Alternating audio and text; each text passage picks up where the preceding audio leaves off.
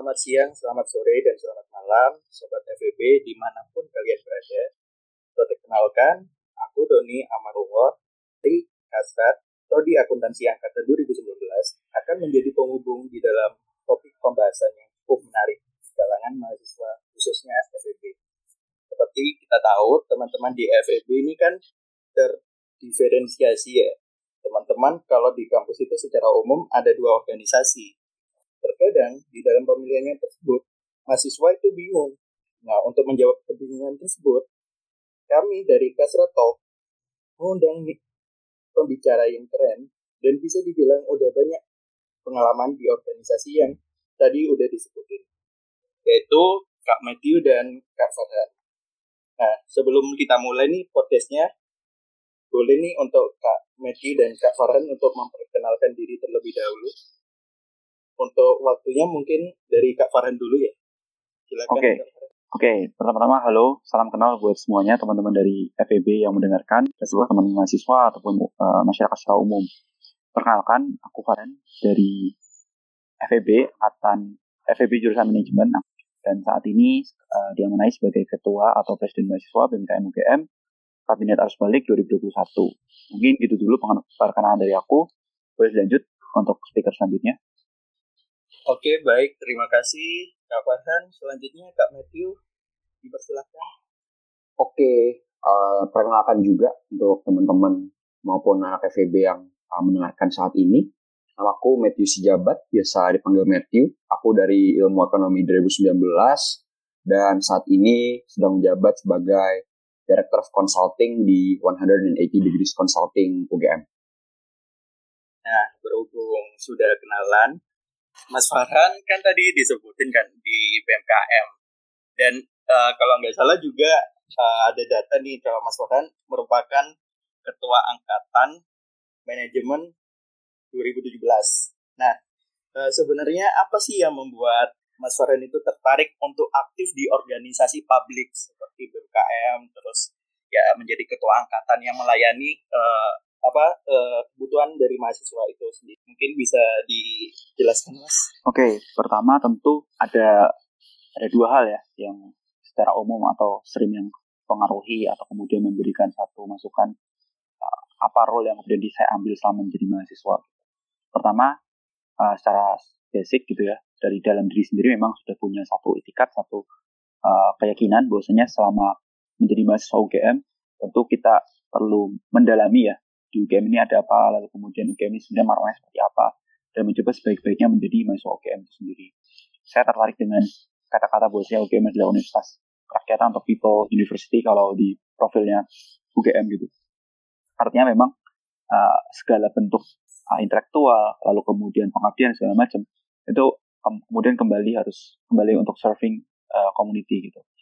Dan ketika uh, aku melihat kondisi yang melengkapi sebagai mahasiswa UGM, ya kemudian aktif di BMKM dan uh, ketika di awal uh, terpilih menjadi ketua angkatan 2017 manajemen pada khususnya itu satu yang kedua uh, pertama memang ingin mencoba menjadi bagian uh, dari UGM sendiri dengan menjadi atau aktif di beberapa uh, organisasi salah satunya BMKM lalu kemudian yang kedua tentu keuntungan-keuntungan atau advantage yang uh, di yang kurasa harus aku ambil gitu. Karena punya punya unique uh, unique advantage di organisasi-organisasi yang aku tempati.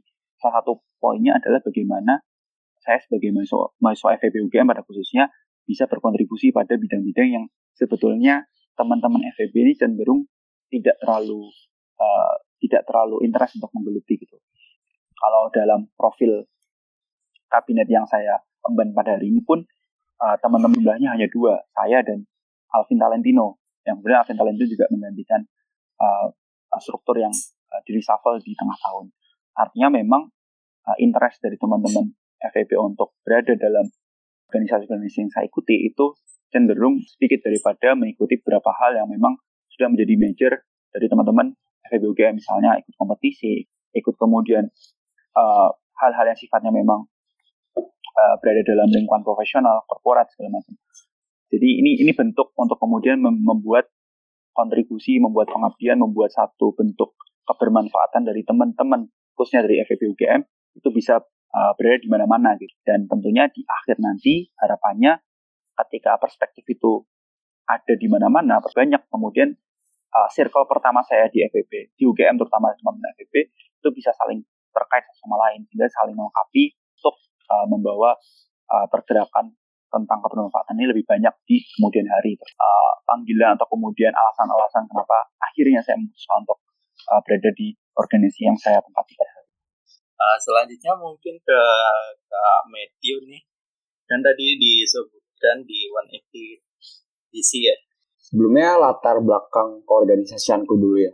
Jadi sebenarnya sebelum ikut 180 uh, udah menjabat jadi depart kepala departemen kajian dan penelitian di UNESPA UGM. Nah itu sebenarnya mulai dari ketertarikanku dari melakukan riset, menulis paper, dan mengolah data sebenarnya. Tapi pada akhirnya setelah uh, aku mencoba beberapa lomba gitu, melihat melakukan riset tentang beberapa opportunity karir yang berbeda, aku sadar kayaknya cukup menarik juga nih kalau mulai mencoba hal-hal yang berhubungan dengan consulting atau finance gitu. Karena nggak tahu kenapa aku ada ketertarikan aja uh, problem solving, uh, men-solve problem-problem atau masalah-masalah yang mereka hadapi dalam daily basis gitu. Dan itu timingnya cukup pas sebenarnya. Uh, pada waktu itu kalau nggak salah uh, cuttingku, cutting May 2016 uh, memulai nih organisasi 180 di sini. Dan di situ aku melihat kalau wah kayaknya ini organisasi yang pas gitu untuk aku uh, ikutin dan uh, mengembangkan minatku di dunia consulting. Jadi itu sebenarnya awalnya. Tapi kalau ditanya nih sebenarnya kenapa aku masih stay di 180 atau kenapa aku memang minat uh, berpartisipasi dalam organisasi ini, sebenarnya alasan pertama itu adalah karena exposure ke problem nyata yang dihadapi bisnis ya. Jadi 180 ini sedikit latar belakang buat teman-teman mungkin yang belum tahu. Kita ini merupakan sebuah uh, student-led consultancy atau ibaratnya consulting service yang dipimpin murni oleh mahasiswa gitu. Dan memang ada bimbingan dari konsultan maupun pihak-pihak eksternal, tapi utamanya mahasiswanya lah yang uh, memang membuat proyek konsultasi tersebut untuk berbagai macam klien, baik dari UMKM, baik dari social enterprise maupun startup gitu.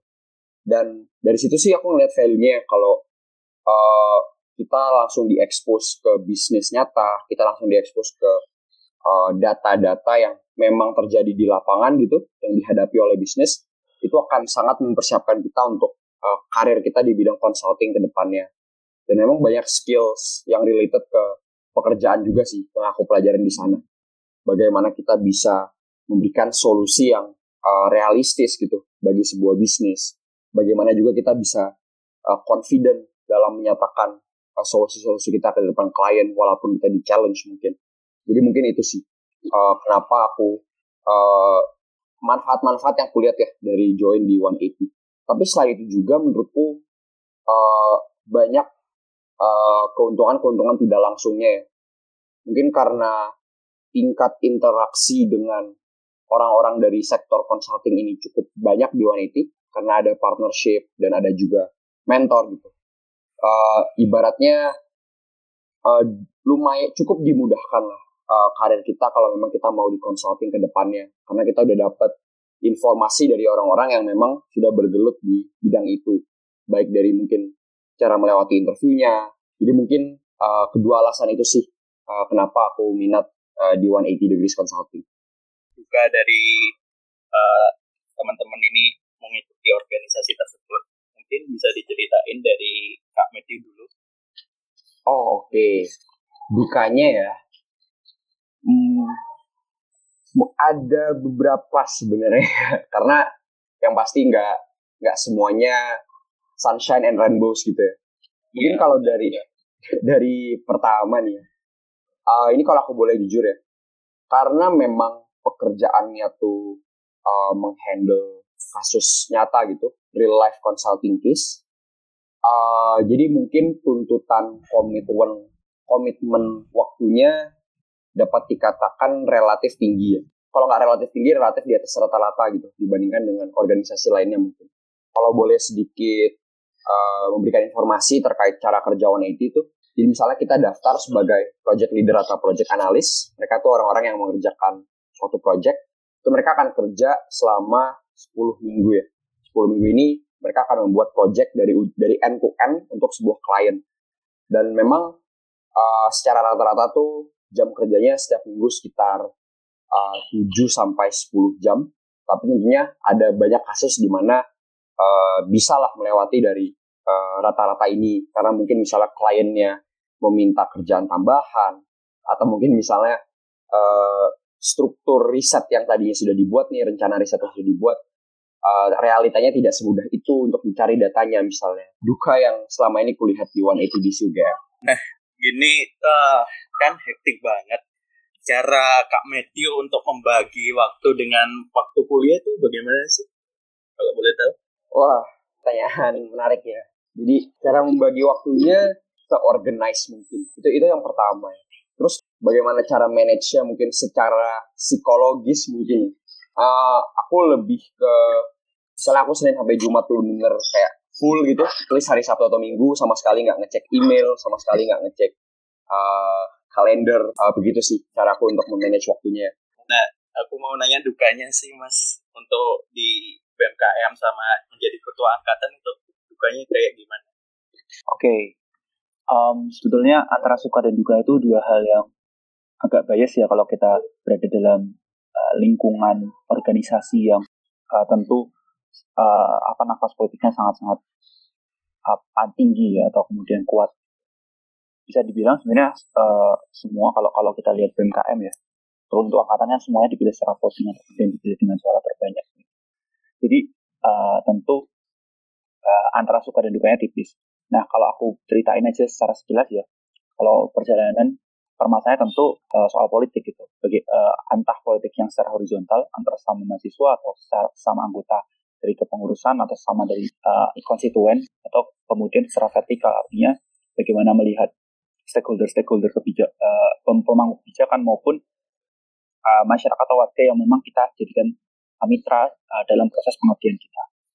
Jadi kalau secara horizontal tentu ada friksi-friksi yang tidak bisa dihindarkan sehingga uh, mentalitas dalam proses itu, bagaimana visi atau ketetapan pendapat atau bagaimana kita mengatur situasi dan apa pun itu itu satu hal yang uh, menjadi menjadi keharusan atau uh, harus embedded gitu dalam dalam uh, dinamikanya dan aku rasa kedewasaan itu seiring waktu akan terus bertumbuh gitu. Kalau dari sisi vertikal tentu ketika ada kebijakan-kebijakan yang kita sesalkan yang kita kritik, yang kemudian kita berikan rekomendasi, lalu kemudian tidak diperhatikan, lalu tidak dipertimbangkan apa pun itu, tentu itu menjadi satu kesedihan juga bagaimana sampaikan uh, mahasiswa yang kemudian kita berusaha representatif mungkin untuk mewakili suara-suara yang melingkar kekuasaan. Itu menjadi satu hal yang cukup uh, menyedihkan ya ketika kita harus berada dalam apa lingkaran-lingkaran itu lingkaran-lingkaran artinya di mana kita mengkritik uh, tapi hasilnya tidak sesuai dengan apa yang kita inginkan. Itu satu juga satu hal yang uh, bisa disebut dengan proses, bisa disebut dengan um, up, kemauan kita untuk terus bersuara dan sebagainya. Jadi ada dua hal itu sih kalau berbicara soal duka. Lalu kemudian sebetulnya uh, tadi kenapa aku bilang suka dan dukanya itu bias karena tentu dalam setiap perjalanan itu dalam setiap hal yang uh, karena tadi ya kan diksinya public dan private gitu ya mungkin uh, tentu di setiap ada kesempatan kita berada dalam situasi yang sulit, tentu di situ kita bertemu dengan orang-orang yang memang ingin membersamai, teman-teman yang memang komit, teman-teman yang loyal, teman-teman yang kemudian memberikan saran. Mungkin itu sih kalau aku boleh berpendapat ya soal suka dan duka. Uh, dari sisi private-nya tadi itu lebih ke hektik. Kalau dari sisi publiknya ini mungkin lebih ke uh, kebijakan ya tadi ya. Nah, ya, ya sebenarnya jadi kalau bisa dilihat ya mas timbul dari publik biasanya itu kan uh, bagaimana sih sektor publik itu bisa memanage aspirasi dari stakeholdernya kayak gitu. Nah mungkin yang jadi permasalahan kan kayak sering ada gorengan atau demo dari Mas Farhan sendiri gimana sih cara mengatasi hal tersebut? Tentu sebenarnya uh, itu bukan suatu hal yang perlu diatasi dalam artian hal itu harusnya menjadi satu dinamika karena kita berada dalam lingkungan publik gitu yang tentu harus mau untuk berani untuk mengkritik dan berani untuk dikritik. Jadi satu hal yang jadi dialektika sehari-hari yang tentu itu uh, jadi satu hal yang wajar atau normal dalam uh, public organization menurut saya ya. Sehingga yang perlu dikuatkan sebetulnya uh, kedewasaan dalam memaintain sendiri untuk menjalani itu. Jadi bukan berarti kita uh, terlalu terlalu besar untuk mempengaruhi kondisi eksternal, tapi justru bagaimana kondisi internal itu bisa adapt, bisa kemudian uh, punya satu apa ya uh, landasan berpikir yang memang uh, bisa diuji, yang kemudian itu jadi satu hal yang menjadi contoh dalam public organization itu sendiri. Ya, jadi aku mendefinisikan mungkin kalau kalau teman-teman pernah dengar ya teman-teman yang mendengarkan ini, uh, aku agak lupa ya diksinya gimana, tapi intinya kita nggak bisa menutup mulut semua orang.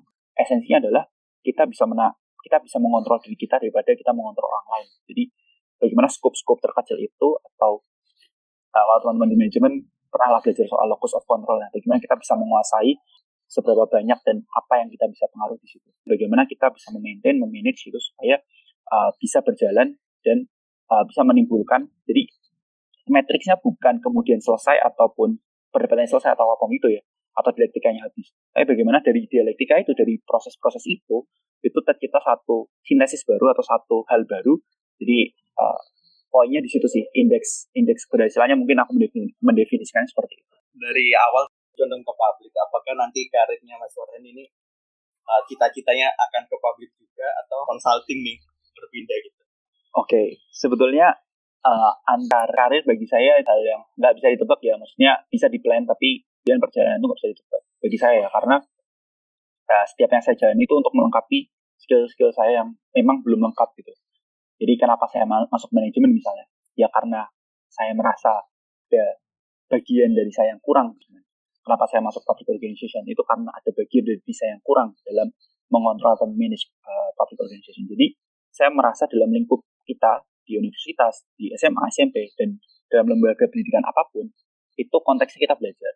Jadi justru kita bisa menemukan base kita. Ada yang kemudian orang-orang uh, yang mungkin sebagian teman, sebagian besar teman saya, uh, kemudian membuat ya spesifikasi. Jadi memang kita masuk sini karena ingin secara spesifik me, me, mendapatkan ilmu itu sehingga bisa bisa secara khusus itu menjadi expert di bidang itu. Nah, mungkin kalau dari saya paradigmanya agak diubah gitu. Saya merasa apa yang kemudian saya lakukan sekarang itu melengkapi skill-skill saya yang sebelumnya sudah ada atau kemudian yang saya kembangkan di tempat lain. Saya membuka chance untuk uh, di wilayah mana pun untuk kemudian dengan apa yang sudah saya dapatkan itu bisa um, bisa memberikan output atau outcome untuk baik private maupun public organization yang saya jalani. Jadi um, itu permasalahan yang mungkin nanti pilihan-pilihan nanti yang yang menentukan sih itu menjadi bagian dari proses gitu don selanjutnya uh, kak kak Matthew nih hmm, hmm. oke okay, oke okay. karir ya karir aspirasi karirku ke depannya mungkin secara pribadi aku dari dulu memang sudah memiliki minat tapi yang sebenarnya masih juga exploring banyak kesempatan-kesempatan yang berbeda gitu untuk tahu sebenarnya private sector karir mana yang cocok denganku gitu. Tapi kalau boleh dikatakan uh, ya antara consulting atau finance. Ya. Jadi ke depannya mungkin kurang lebih di antara dua sektor tersebut. Kalau ditanyakan kenapa, uh, mungkin pertama itu learning curve-nya.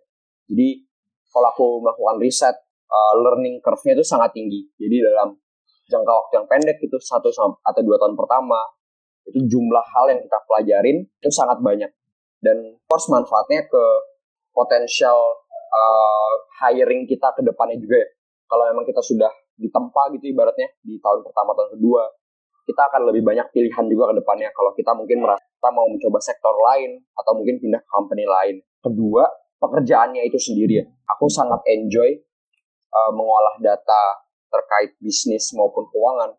Aku sangat enjoy juga mungkin uh, kalau kita ngomongin kerja praktikalnya uh, mengotak-ngatik Excel gitu atau membuat presentasi gitu untuk klien mungkin sama juga ya seperti yang dibilang Mas Farhan kalau memang karir nggak ada yang tahu jadi oh, gitu sih. Menarik menarik menarik. Biasanya dan uh, sama-sama terbuka ya untuk kedua sektor. Nah aku mau nanyain sih uh, tadi udah Kak Farhan sekarang Kak Meti lagi. Uh, kan terbuka untuk kedua sektor. Nah semisal nih kalau uh, dalam case dibalik gitu posisinya sama Kak Farhan. Misalnya Kak Matthew jadi Resma BMKM. Uh, hal-hal yang mungkin bisa dijadikan pendapat soal public sector ini gimana sih dari pandangan Kak Medi Oke, oke. Pertanyaan yang pertanyaan hipotetikal yang menarik ya. Mungkin kalau di, dibilang aku menjadi presma, uh, wah itu sebenarnya dari dulu belum belum sempat ya jadi apa namanya uh, goal maupun pandanganku gitu. Jadi aku juga merasa itu merupakan tanggung jawab yang sangat berat dan memang kayaknya nggak semua orang bisa mengemban tanggung jawab tersebut ya. Uh, tapi kalau dibilang aku minat nggak sama sektor publik uh, jujur dari awal ada keminatan dan kalau dibilang di bidang kajian mungkin ya. Jadi seperti yang tadi udah aku jelasin juga di awal, aku saat ini juga menjabat jadi kepala departemen kajian dan penelitian di himpunan mahasiswa ilmu ekonomi atau KIMIASPA ya. Uh, dalam ranah kerjaannya, aku kurang tahu ya apakah memang cukup mirip dengan bidang kajian strategis di BMKM. Cuma aku ngelihat sih kalau mungkin aku disuruh milih nih kalau uh, sebagai orang dari non public sector organization dari bidang apa sih yang temen atau bidang kajian karena aku suka aja sih melihat isu-isu terkini menggunakan data untuk membuat argumentasi ya, maupun rekomendasi kebijakan yang sedang saat ini dibuat oleh pemerintah ya. Uh, kurang lebih itu sih mungkin don uh, responku ya atau opiniku terhadap uh, ketertarikan di organisasi sektor publik. Oke, dan mungkin bisa menanggapi kalau semisal Mas Oke. Okay. Organisasi Ya. Iya, uh, pertama yang aku jadikan highlight ya dalam dunia public sector itu adalah bagaimana kita bisa, yang paling penting menurutku ya sejauh ini yang yang aku tangkap itu bagaimana kita bisa melihat segala perspektif kebijakan ataupun perubahan itu paling uh, paling enak atau paling gampang untuk dilakukan dengan kekuasaan. Jadi kekuasaan itu adalah satu uh, salah satu orang uh, pem pemda Pemda Bandung, ya, Pemda Jabar, belum menyatakan bahwasanya kekuasaan itu adalah situasi yang paling tepat untuk melakukan perubahan. Jadi bagaimana private sector yang kemudian khususnya WNFDC ya, kemudian saya tahu waktu itu itu pun juga uh, waktu itu waktu saya cuma 2017 saya merasa himpunan saya himpunan IKAMA itu perlu untuk membuat uh, divisi khusus untuk melakukan consulting uh, ke UMKM di lokal uh, Gajah Mada gitu.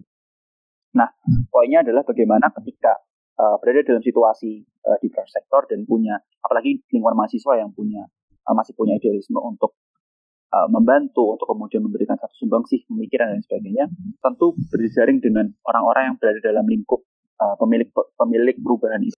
Perubahan tentunya nggak uh, nggak bisa dilihat dari sudut pandang oh aku sendiri dengan ini kemudian bisa merubah satu hal. Bukan itu yang kemudian diceritai bagaimana proses itu akan dipercepat itu ada ada enhancer di situ ada ada katalisator lah untuk melakukan perubahan yang lebih cepat.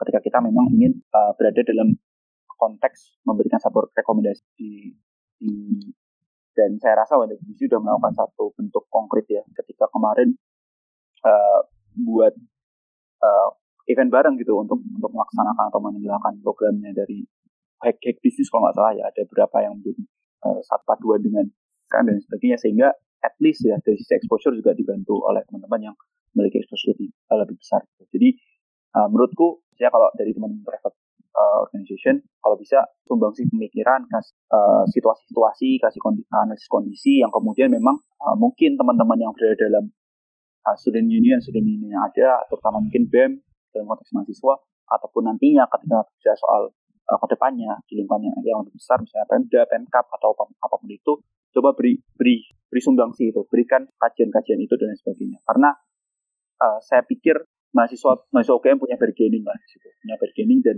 dan uh, analisis dan rekomendasi-rekomendasi itulah yang ditunggu sebetulnya uh, oleh pemangku kebijakan yang kemudian memang dari mahasiswa UGM sendiri. Mungkin itu sih pandanganku, apalagi kalau kita bicara soal ekonomi ya tentu banyak banget hal yang bisa diekspor dalam uh, UMKM atau usaha atau perusahaan sebagainya yang mungkin bisa menarik untuk dijadikan satu rekomendasi taktis uh, pemerintah atau pemangku kebijakan yang ada di daerah kita sendiri maupun di nasional. Mungkin itu sih kalau dari pandangan gue. Berhubung udah lama juga kita ngobrolnya, mungkin dari pembicara-pembicara ini bisa memberikan closing statement terhadap teman-teman kita di FBB dan yang mendengarkan. Mungkin dari Mas Farhan dulu. Oke, okay. uh, mungkin sedikit aja simpel aja. Uh, bagiku mahasiswa FEB ya pada kursi yang ideal adalah kalau aku sendiri adalah bagaimana kita bisa memposisikan diri. Karena saya secara secara ini ya, secara naluri ya lebih bangga menjadi mahasiswa FEB gitu daripada mahasiswa UGM. Ya ini ini pertama untuk yang dengerin teman-teman FEB aja ya, nggak usah di share ke teman-teman luar, nggak enak gitu. Tapi intinya ada ada ada jiwa ke FEB-an lah yang kemudian ingin tunjukkan gitu jiwa-jiwa yang memang mem melihat perspektif tidak hanya dari perspektif uh, apa ya moral gitu tapi dari perspektif-perspektif yang memang kaitannya dengan bisnis kaitannya dengan keuangan kaitannya dengan bagaimana rasionalisasi di dunia di ekonomi pada hari. Karena mau nggak mau nggak mau harus uh, highlight adalah ekonomi itu punya hubungan yang erat sistem sosial sistem politik yang menurut saya sampai sekarang teman-teman FMI masih kurang aware terhadap hal itu. Sehingga uh, posisi pemosisian diri terhadap situasi hari ini itu menjadi satu hal yang uh, peran kunci lah dalam dalam kita berdinamika selama menjadi mahasiswa mahasiswa FEB UGM. Uh, sebagai contoh ya ketika teman-teman uh, ada nih teman-teman FEB yang berada di lingkungan kasrat uh, BEM, BEM FEB misalnya teman-teman himpunan apa yang apa yang kita bisa olah bersama untuk kemudian memberikan satu rekomendasi yang benar-benar menghantam atau kemudian benar-benar konkret benar-benar bisa mengakomodasi perspektif-perspektif yang moral gitu uh, jarang atau kemudian agak minim gitu ketika kita melihat ada perspektif anggaran di situ perspektif uh, dunia kerja dunia usaha perspektif yang mungkin sangat-sangat dikuasai oleh teman-teman dari uh, FEB gitu. Jadi uh, bagiku kesadaran pemosian diri sebagai mahasiswa FEB terutama di UGM itulah yang harus bangun sama-sama gitu. Pun aku sendiri walaupun sekarang kondisinya udah semester akhir dan kemudian uh, sedang dia jadi ketua BEM juga, uh, aku masih terus mencoba berefleksi gitu apa yang kurang gitu uh, dari situasi hari ini dari gerakan mahasiswa pada khususnya yang yang belum uh, punya perspektif KFEB-an lah mungkin ya gitu ya bahasanya. Yang mungkin bisa kita tambahkan. Harapanku uh, perangkatan gitu ya. Perangkatan ataupun setiap atau secara keseluruhan mahasiswa mahasiswa FEB secara keseluruhan keseluruhan itu punya perannya masing-masing yang nantinya bisa dikolaborasikan dalam lingkup FEB mungkin itu sih dari aku. Uh, jangan jadikan menjadi satu referensi tapi jadi tambahan aja karena aku yakin setiap orang punya pengalaman, setiap orang punya corak dan kekhasannya, dan kita perlu menghargai itu. Mungkin itu dari aku, matur nuwun teman-teman Kasratox. Baik, mungkin selanjutnya bisa dilanjutkan oleh Kak Matthew. Silakan. Mungkin sekarang banyak keluh kesah dari mahasiswa adalah banyak sekali ya pilihan organisasi yang terdapat di fakultas maupun skala uh, baik dalam kampus maupun secara nasional. Cuma mereka bingung mau pilih yang mana karena mereka juga belum tahu mungkin prioritas-prioritas yang harus mereka miliki dalam uh, mencapai karir-karir yang mereka inginkan.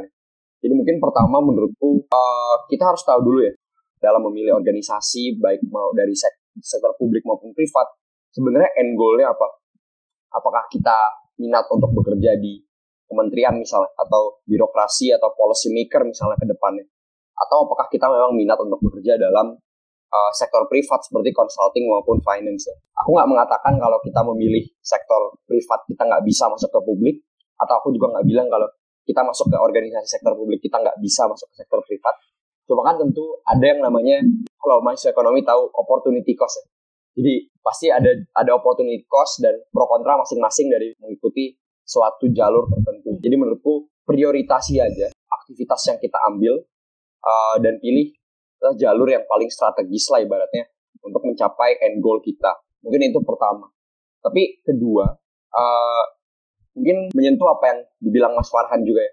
Mungkin ada pandangan umum kalau FEB ini uh, kata kasarnya mahasiswanya cukup apatis mungkin terhadap hal-hal politik gitu, dibandingkan mungkin mahasiswa dari klaster soskum lainnya. Tapi menurutku dengan adanya organisasi seperti ini ini maaf ya ini bukan promosi promosi ya, tapi kalau kalau kita berbicara secara objektif ya dengan adanya 180 gitu yang memberikan uh, bantuan konsultasi terhadap UMKM dan uh, bisnis-bisnis kecil lainnya mungkin uh, keapatisan tersebut tuh sekarang bisa bukan berkurang ya tapi kita bisa menemukan jalan tengahnya lah antara aspirasi-aspirasi sektor privat dan juga uh, kemaslahatan atau kemanfaatan bagi masyarakat sekitar dari bantuan-bantuan uh, konkret yang kita berikan.